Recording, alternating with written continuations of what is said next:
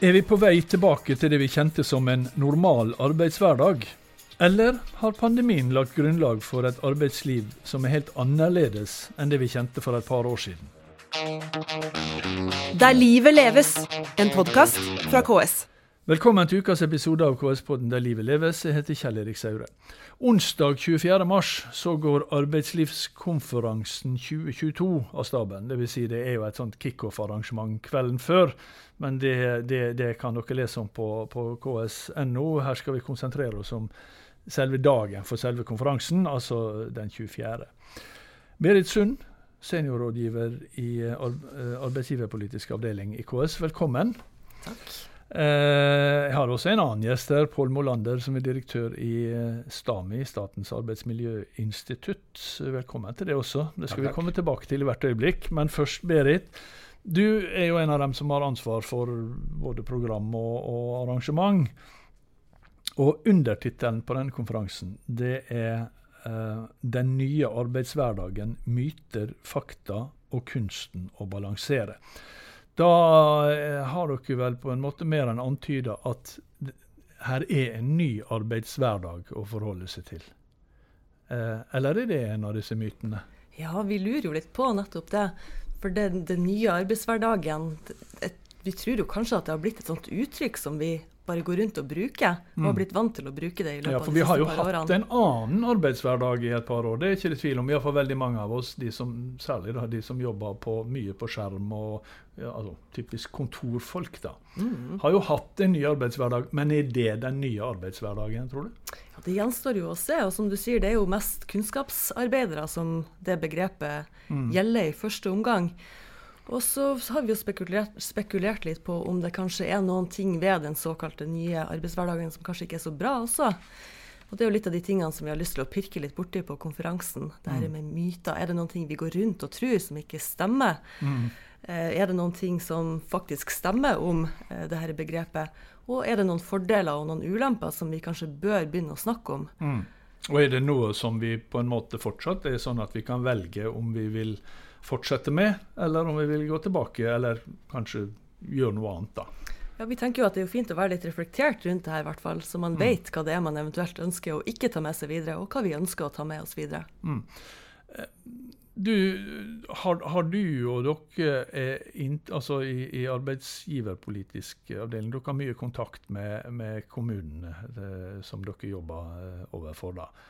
Eh, er det et sånt sterkt press for å på en måte fortsette denne praksisen med mye hjemmekontor og sånt, eller er det eh, mer et press for å komme tilbake til den gamle hverdagen, da, for å si det sånn?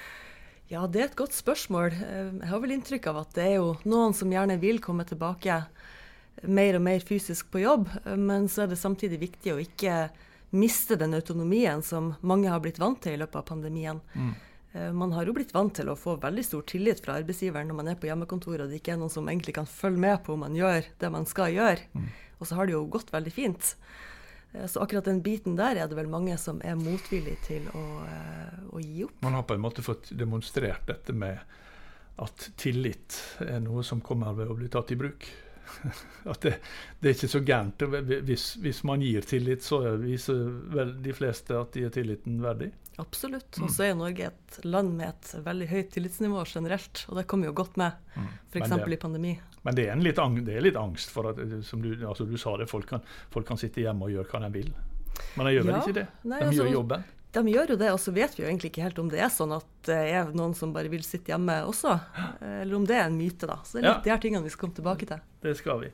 Uh, en av bidragsyterne på, på, på, konferansen har jeg allerede nevnt. Eh, Pål Molander, direktør ved STAMI, Statens arbeidsmiljøinstitutt. Eller sier dere bare Arbeidsmiljøinstitutt, eller sier dere bare STAMI? Nei, Vi begynner å kjøre mer og mer STAMI. Mer og mer STAMI, ja. ok. Ja, eh, du skal snakke om, altså I programmet så står det konsekvenser av pandemien for arbeidslivet. Jeg vet, altså Dere er jo selvfølgelig, som navnet tilsier, spesielt opptatt av arbeidsmiljøet. Hva har denne pandemien gjort for arbeidsmiljøet vårt? Ikke bare disse to årene har vart, men fremover, tror du? Nei, så, sånn, Mens pandemien har stått på, så har den jo gjort øh, ganske mye for de som sitter med kontorarbeidsplasser, selvfølgelig. Ja. Men de har jo også blitt beriket på et vis med en del goder. Uh, jeg tror ikke vi skal glemme alle de som har vært på jobb under pandemien mm. Uten å sitte hjemme, som har fått en helt dramatisk annen arbeidshverdag, f.eks. i helsevesenet. Så, så, deres endring har kanskje vært uh, vel så stor, men det blir ikke så mye snakket om. Nei, uh, Men da, da, da, er det en endring som har vært der pga. pandemien, og som på en måte da vil grunnlaget for endringa forsvinne når pandemien forsvinner? Det vil det gjøre. Ja. Og så er spørsmålet i den andre enden av skalaen, de som har fått mer autonomi ved å være hjemme osv., hva er det det eventuelt har, har vært av berikelser? Hva har vært utfordringsbildet, og hva mm. er det som som vil feste seg, som vi tar med oss videre. Mm. Og, og, dette fokuset på framtidens arbeidsliv, det har jo det vi akkurat fikk høre om innledningsvis eh, eh, Noe av det har jo vært litt hypa, helt klart. Mm. Eh, og det er jo startet lenge før pandemien. At ja. vi har snakka om de nye arbeidsformene, det nye arbeidslivet. Og, og jeg tror ikke vi skal underslå heller at noen av de mekanismene bak det er drevet av aktører som lever av å digitalisere, f.eks. Mm. Så det, noe annet ville vært unaturlig. Det har vi jo sett også under pandemien. Ja. Mange av de som selger den type tjenester, de er veldig flinke til å fortelle ja. om positive erfaringer. Og så vet vi at det er mer ja. balansert, da. Ja, Men samtidig så er jo vi ganske mange som har lært. Altså Vi har jo selvfølgelig Ja, vi har hørt om det, og det er mange som har prøvd å pushe dette systemet. men denne pandemien har jo på en måte tvunget oss til å lære dette her, da, og ta det i bruk. Ja, det... altså Teams og Zoom og uh, Skype for business og jeg vet ikke hva det heter alt sammen. Men altså alle disse teknologiske løsningene på å møtes uten å møtes. Ja, og i tillegg til liksom, den videokommunikasjonsdelen, ja. så har ja. vi jo jobbet veldig mye med digitalt i andre sammenhenger også. Mm. Uh, så, så, her har vi jo kommet over ganske høye terskler som har vært bra for norsk arbeidsliv. Mm. Og, så, og så nevnte dere autonomi innledningsvis, og så er jo det store spørsmålet hva slags autonomi er viktigst for en arbeidstaker. Mm. Både for at du skal føle deg vel og få jobbmotivasjon, og sånn, men også for selve produktet, arbeidet. Hva som er bra for arbeidsgiver også. Mm. Og, og, og, og, det som arbeidstakere flest setter pris på, er jo ikke å bestemme nødvendigvis hvor du skal jobbe. Det er mye viktigere å få bestemme hvordan du skal jobbe og mm. delvis hva du skal jobbe med, og hvordan du skal løse de oppgavene innenfor den ramme og retning som er satt. Da. Mm. Og der er det som vi fikk høre også innledningsvis her, at, at, der har vi vært helt fantastisk flinke i Norge. Eh, norske ledere er jo kjempegode på dette her, å, la folk slippe til. Det er tillit i praksis. Og så er mm. spørsmålet hva som er viktigst for arbeidstakere over tid. Det å få lov til å bestemme hvor du skal jobbe, eller, og når du skal jobbe, kanskje. Eller versus hva du skal jobbe med. Og der tror jeg vi skal fomle litt framover. Men dere som jobber mye med, med arbeidsmiljø, dere opererer gjerne med, med, eh, fysisk arbeidsmiljø og psykisk arbeidsmiljø. Og fysisk arbeidsmiljø jo, har jo liksom tradisjonelt vært arbeidsgivers ansvar å legge til rette for. Det er ikke like lett når folk sitter hjemme hver sin, eh, på hver sitt kott eller i hver sitt slott. Det er veldig ulikt.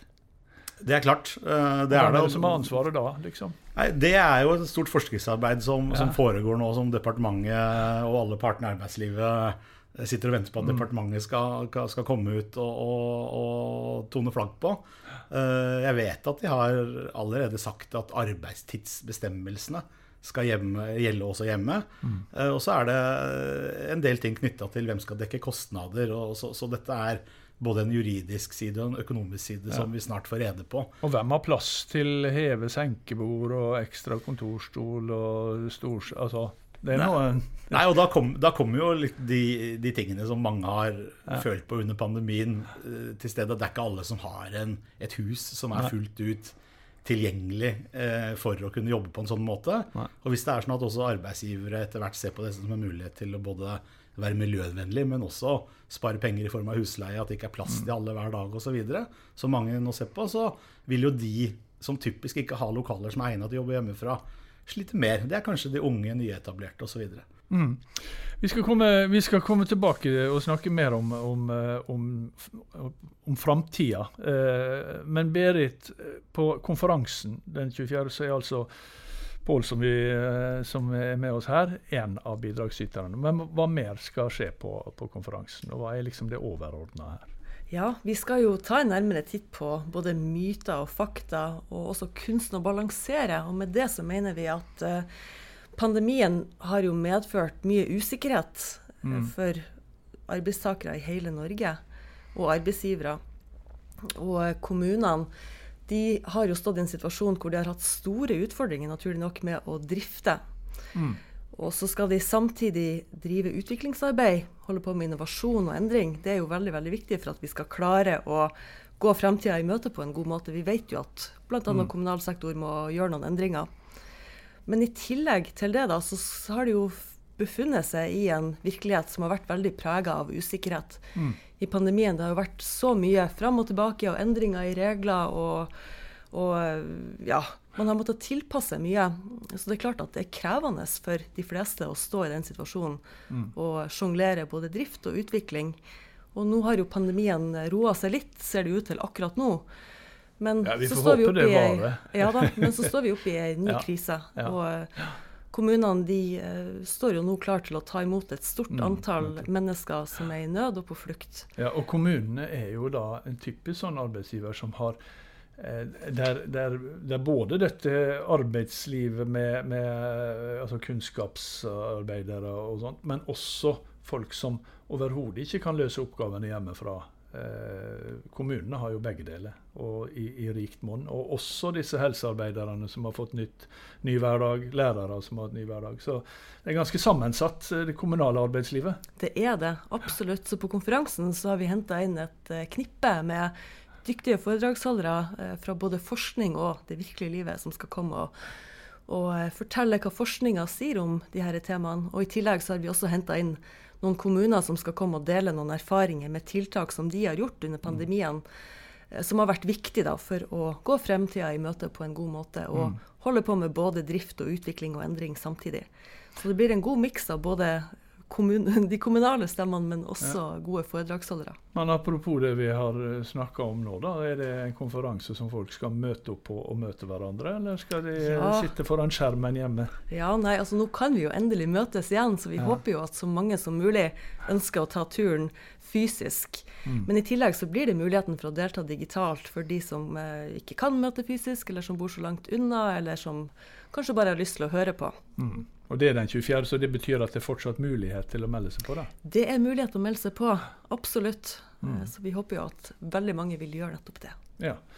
Eh, Pål, eh, eh jeg, jeg, sa bare tittelen på, på, på, på, foredraget ditt.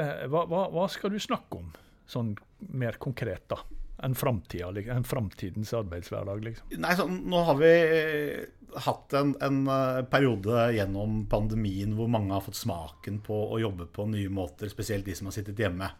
Uh, og så har vi eh, hatt en debatt som har gått ganske lenge om, som har fokusert på hva er det jeg som arbeidstaker eller person trives best med. Mm. Og så har vi jo nå kommet til en situasjon hvor, hvor, vi gradvis kommer mye mer tilbake på jobb. Og da har de perspektivene kommet mer på plass knytta til hva er det som også er best for bedriften eller kommunen eller virksomheten. Går det an å si noe om det? Altså sånn, eh, noe, noe, noe, sånn, eh, noe, sånn, definitivt hva er best? Hva er best for Ja, fordi det, det, er et veldig godt eksempel. Veldig mange av de, de som har snakka om at det er mer produktivt å arbeide hjemmefra, f.eks.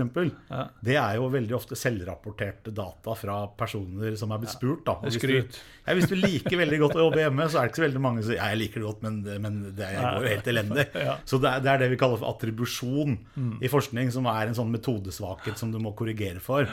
Mm. Når det kommer til liksom, det med produktivitet, så er jo det et bedriftsanliggende eller virksomhetsanliggende. Mm. Og da blir det mye mer vanskelig. Og så er det fokus på har du oversikt over det du skal gjøre, du skal gjøre det samme hver dag, så klarer du å gjøre det veldig effektivt hjemme, selvfølgelig, hvis ikke det krever mye samhandling. Mm. Men når det kommer til innovasjon, nye prosjekter, skape noe nytt, bli kjent osv., og, du, og du kanskje har gått hjemme i mange år, og hovedandelen har vært hjemme, og du ikke har blitt kjent med nye kollegaer osv., så, videre, så skjønner alle at den flyten blir litt mer komplisert. da. Mm. Men det jeg har tenkt å prate mest om på konferansen, er jo det neste steget. For der har vi ikke kommet ennå som, som samfunn. Og det er jo ok, dette kan være bra for individet i noen sammenhenger. Det kan også være bra for bedriften hvis det ikke er for mye av det, at vi får til en god miks. Mm. Men hva, hva, betyr det for samfunnet? Mm. Der har vi ikke begynt å diskutere ennå så mye, tenker jeg. Det går jo på hvordan kan dette påvirke behovet for inkludering av arbeidskraft framover, f.eks. Eh, er det sånn at kvinner har en mer tendens til å like å jobbe hjemme enn menn? Det har vi sett tendenser til. og at de som møter opp i jobb, kanskje belønnes mer i form av spennende oppgaver. Da blir det et kjønnsperspektiv. Eh, hva med kommunene som har behov for masse arbeidskraft framover innenfor helsevesenet, og som er arbeidskraft som overhodet ikke kan jobbe hjemmefra? Mm. Vil det da bli en sånn todeling av arbeidslivet hvor vi premierer de som har mest autonomi fra før, med enda mer autonomi? Mm. Hvordan skal vi løse rekrutteringskrisa i den type yrker da, osv.? Men fordi, fordi du, sier, du, sier, det autonomi, og det altså hvis vi skal altså Selvstendighet og valg på hvordan man løser oppgavene og sånt, og hvordan man løser jobben sin. Men det kan jo være ganske påtvunget, det òg, eh, hvis det er mye hjemmekontor og, og at man At det ikke er noe man har valgt sjøl, selv, selv om det høres flott ut å ha autonomi. Berit? Ja, og det var vel den følelsen mange av oss hadde når pandemien var på sitt verste ja. og vi ikke hadde noe valg. Eh, så det er jo noe med å ha den der valgfriheten, at du sjøl har valgt sånn eller sånn. Ja. Og, og, og Paul, hvordan, har, har, si, har, dere, har, dere, sett dette nå i disse to år? Altså, jeg, jeg antar at man har, ja, det man har fått i løpet av to år, er iallfall mye erfaring med hvordan folk har eh, Jeg vet ikke hva grad ja. det er samla, men man har iallfall ja. gjort mange erfaringer. Masse erfaring, men ja. det som kanskje er enda bedre erfaring sånn for tida framover fra nå av, ja. det er jo erfaringer fra de som har hatt mye fjernarbeid. Det har vært mer utbredt i mange andre land før pandemien starta. Og der vet vi ganske mye. Annet har Stami gjort en kunnskapsoppsummering over det, mm. som, som, peker nettopp på det du var inne på nå, at, at, frivillighet er viktig for at det skal både være bra for arbeidstaker og være produktivt. Mm. Og det vil jo si at du også har et valg om å kunne gå på jobb i fullt ut tilfredsstillende lokaler til å gjøre konsentrasjonskrevende oppgaver også, mm. f.eks. Eh, når du vil. Eh, og der blir det bli litt, litt eh, diskusjoner framover hvis man ser på dette som en mulighet til å spare areal, for det er helt legitimt å tenke. Ja. Hvis veldig mange ønsker å være hjemme også, og, og, bedriften eller virksomheten ønsker det selv. Men hvis det er sånn at vi kutter areal, så tror jeg veldig mange mellomledere eksempel, vil tenke jeg vil at mine folk skal komme på tirsdag og torsdag, for vi må samhandle. Mm. Og da er det ikke plass til noen andre på tirsdag og torsdag. Da må de komme på onsdag og fredag vi har vel de... hørt om at det faktisk skjer rundt omkring? At, det... man, eh, at man, når man nå kommer inn i den nye arbeidshverdagen, da, for å si det sånn, så, så, er ikke det plass til alle på jobb? Nei, og da er det jo tilbake til dette med frivillighet. Og da er det i realiteten pålagt hjemmekontor noen dager. Og pålagt arbeid andre dager. Da er det ikke så veldig fleksibelt, og du mister det elementet med frivillighet som vi ser er viktig for både produktivitet og trivsel. Mm. Så her er det masse vi må lære underveis nå. Mm. Så må vi ta med oss veldig mye av det vi av de positive erfaringene. Men det blir en annen hverdag nå. For det blir mye mer uoversiktlig. For nå kan folk være både her og der. Under pandemien satt alle hjemme og var på Teams av de som hadde pålagt hjemmekontor. Ja. Men hvordan er dette med, med dette, å skille arbeid og, og fritid? Det, det har, har, jo vært en problemstilling alltid med sånn hjemmekontor. Eh, har det, blitt, har det blitt mye mer flytende, den overgangen mellom, uh, mellom arbeid og fritid? Og, eh, og, er det et problem, i så fall? Ja, den, den kunnskapsoppsummeringen som jeg akkurat viser til, ja. viser at det er en klar overvekt av studier som viser at du får økt jobb-privatliv-ubalanse. Ja. Men det var jo nettopp det som veldig mange satt pris på i starten av pandemien. Ja. Uh, at de syntes de fikk bedre balanse i livene sine, de slapp å reise, og alt dette her. Og, og, det stemmer nok i starten. Og så er spørsmålet når det her går seg til, hvis du skal ha fleksibilitet f.eks. til å kunne gå på ski en time midt på dagen, som mange gjorde i mars 2020 i starten. De ble oppfordra av lederne sine ja. til å gjøre det også. Den tiden må, må, jobbes inn på et vis etter hvert. Og så er det sånn at da strekker vi litt i normalarbeidsdagen, og så vet vi ikke helt når vi er på jobb og ikke på jobb. Og da blir det mer legitimt å kontakte hverandre utenfor, utenfor uh, arbeidstiden. Og da ser vi også fra mange norske studier at jobb-privatliv-ubalansen har økt, uh, har vi sett, og også at folk i snitt jobber litt mer når det er hjemme. Nettopp. Og Dette er jo et av de temaene som da skal snakkes om. Balansen mellom jobb og fritid. Balansen mellom hjemmekontor og jobb. Og, og behovet for å møte andre eh, kolleger, som, som Pål snakka om i stad. Altså, det, det, har vel blitt mer merkbart eh, i løpet av disse to åra. Det var veldig fritt og flott i begynnelsen, men så ja, ikke sant. Nei, det er klart at det, et, det, har jo vært et savn, og det tror jeg det har vært for de fleste. Så det gjelder jo nettopp å finne den gode balansen mellom jobb og fritid, og ja. ja. Og det er ikke nødvendigvis enkelt. Mange har begynt i nye jobber i disse to åra, Pål. Og, og, og, knapt møtt en eneste kollega. Hvordan er det? Hva betyr det å, begynne i en ny jobb og så på en måte ikke, ikke vite hvem kollegaen er? Det er jo av de som har rapportert aller mest at dette er krevende. Og ikke bare de som har øh, begynt i ny jobb, men også øh, unge arbeidstakere generelt. Da. Eldre arbeidstakere som har hatt oversikt over arbeidet sitt og, og, og, hatt på en måte en etablert nettverk, de har rapportert at de har vært mer produktive på hjemmekontor, mange av de, fordi mm. at de har sluppet så mange forstyrrelser. Mens de unge som trenger hjelp og opplæring, de har ikke fått opplevd å få den hjelpen og støtten fra de eldre arbeidstakerne som er veldig fornøyde med å sitte hjemme fordi de ikke har blitt forstyrret. Og så er jo det store spørsmålet som vi nå diskuterer, hva er nettoeffekten og hva er dosen vi må finne fram til sammen for å skape godt arbeid også framover. Og Dette er noe av det man skal snakke om på arbeidslivskonferansen 2022, som altså avvikles 23., men først og fremst 24. mars. Berit Sund og Pål Molander, tusen takk for at dere kom til KS-podden Der livet leves. Vi er tilbake med en ny episode neste uke. Der livet leves, en podkast fra KS.